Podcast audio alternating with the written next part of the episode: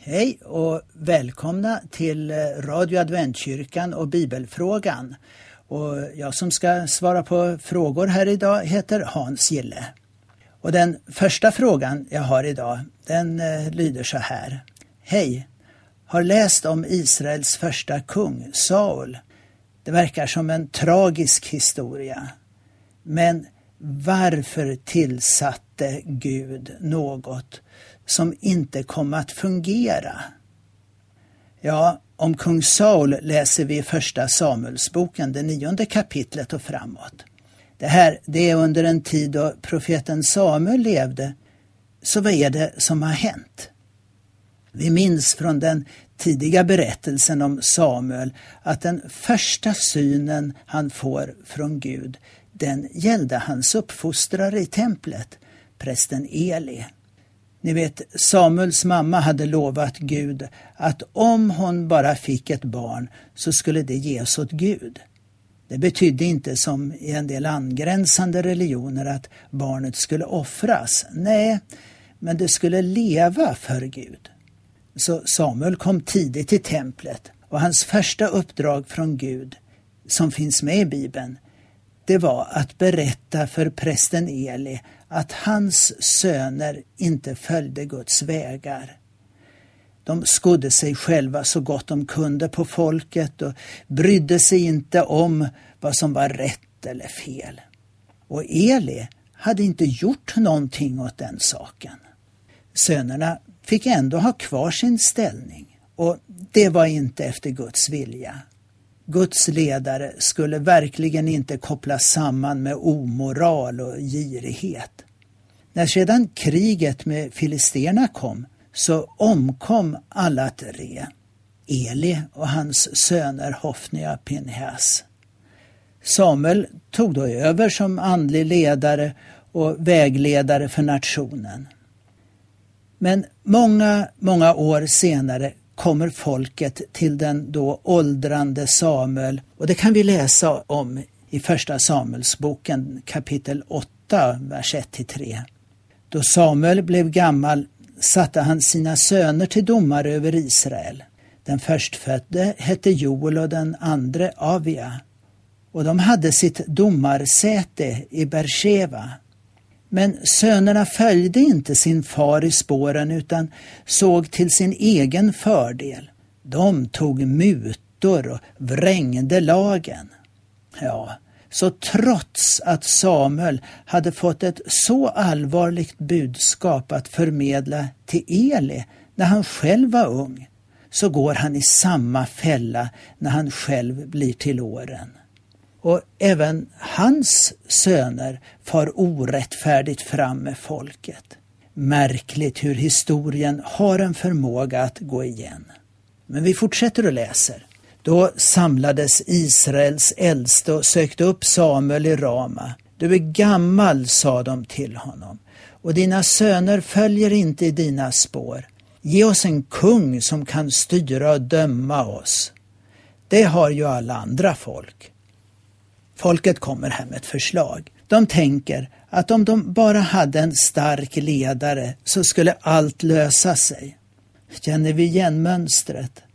När något inte fungerar så hoppas man på någon som ska komma fram och lösa problemen. Tänk på platser i vår värld där man hoppades på en snabb demokratisering och ett bättre liv, mer mat, bättre jobb och så vidare. Men så går det trögt med processen till välståndet och folk börjar längta efter glans och en stark ledare. Precis som här. Ja, vad var det som hände nu i Israel då? Vi fortsätter. Samuel ogillade att de ville få en kung över sig. Han bad till Herren och Herren svarade, låt folket få sin vilja fram. Det är inte dig de förkastar utan mig. De vill inte att jag ska vara deras kung. Ända sedan den dag då jag förde dem ut ur Egypten har de ständigt vänt sig bort från mig och tjänat andra gudar. Nu handlar de på samma sätt mot dig. Gör dem till viljes, men varna dem först. Låt dem veta vilka rättigheter deras kung kommer att få. Gud hade en annan plan för ledningen av Israel. Men trots Samuels varningar från Gud så ville man vara som alla de andra nationerna. En kung skulle det vara. Och det är nu Samuel går på jakt efter deras nya kung. I Första Samuelsbok 9 och 1 läser vi i Benjamins stam fanns en rik och mäktig man som hette Kish. Och så lite senare, Kish hade en son som hette Saul, en ståtlig ung man. Det fanns ingen ståtligare i hela Israel. Han var huvudet högre än alla andra. Visst är det intressant? Här får de något som åtminstone ser bra ut. Och det var ju det som de sökte efter. De fick precis vad de önskade sig. I smyg, utan att någon visste om det, så smorde nu Samuel Saul till kung. Och på vägen hem möter Saul några profeter och det står att Guds ande föll över Saul och han kommer i profetisk hänryckning. Visst hade Gud gett Saul möjligheter, möjligheter till något riktigt, riktigt bra. Men sen går det snart sämre. Saul väntar inte på Samuel vid ett tillfälle utan han går och gör offret till Gud själv fast det var Samuel som skulle komma och göra det. Och vid flera tillfällen så följer han sen inte Guds anvisningar. Och till sist står det att Guds ande lämnar Saul och i slutet så i sin förtvivlan så går Saul och vänder sig till en spåkvinna när han inte längre får svar från Gud. Men han hade vid flera tillfällen visat att han ändå inte var beredd att följa Guds ledning. Så vad var egentligen vitsen för Gud då att svara honom? Och vid det här laget var det mest negativa budskap Gud kunde ge honom också. Nå, när Saul inte följde Guds plan för honom så kunde inte heller Gud följa den plan han hade för Saul. Och därför står det om att kungaväldet gick ifrån hans familj. Gud tillsatte något som kunde ha fungerat, men Sauls val, ja, det var det som hindrade honom. Så där har vi kanske svaret till just varför det gick så illa för Saul trots att det var Gud som hade tillsatt honom.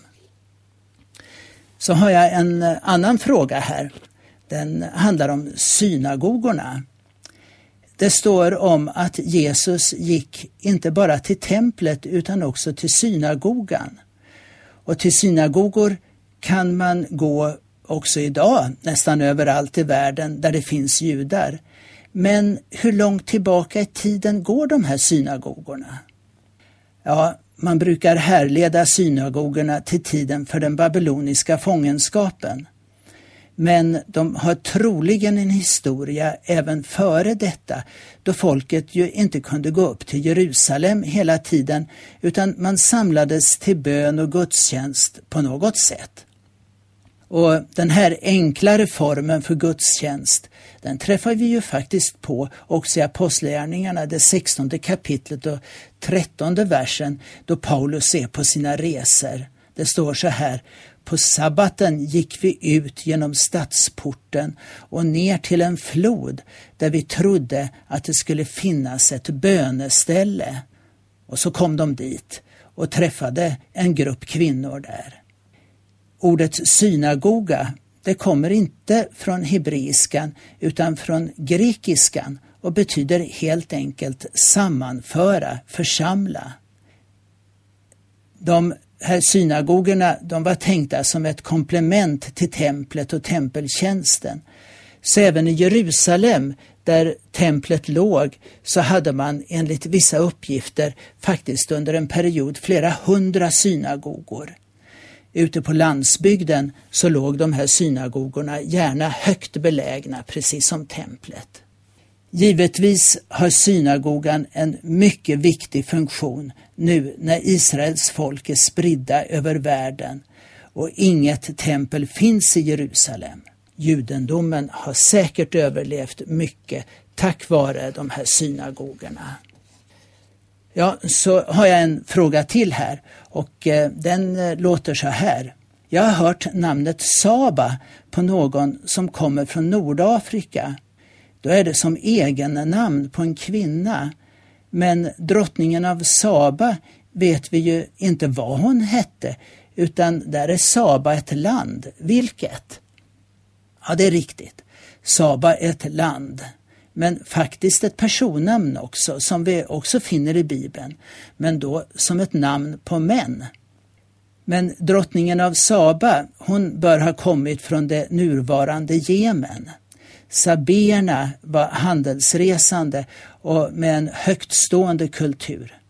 Faktum är att landet ofta hade just kvinnliga härskare enligt en del assyriska källor som man har hittat. Då transportvägarna till till exempel Syrien gick genom Israel så kan det ha varit mycket naturligt med affärsförbindelser mellan just Israel och Saba, Jemen alltså. Från min syster som levde ett antal år i Etiopien så har jag hört om att etiopiska legender har menat att drottningen av Saba skulle ha varit från Etiopien och enligt den traditionen skulle hon dessutom ha blivit med barn med kung Salomo och fått en son. Det är ju en lite mustigare historia kan man tycka, men det bör alltså vara från Jemen hon kom. Sabernas språk, ja det var dessutom semitiskt, alltså samma grupp som det judiska. Ja, det var våra frågor den här gången och eh, som vanligt så får du hemskt gärna ringa in någon fråga hit till Radio Adventkyrkan och telefonnumret dit är 031 711 11 99. Du kan naturligtvis också skriva hit till Radio Adventkyrkan och då är postadressen Radio Adventkyrkan Norra Allégatan 6 413 01 Göteborg. Du kan också mejla till eh, i ett ord radioadventkyrkan telia.com. Och eh, så är du välkommen till våra gudstjänster och de har vi på lördagar klockan 11.30 på Norra Legatan 6 nära Järntorget. Så eh, välkommen att komma hit både med dina frågor och eh, till de samlingar som vi har. Och jag som har talat nu är Hans Gille och du har lyssnat på Radio Adventkyrkan.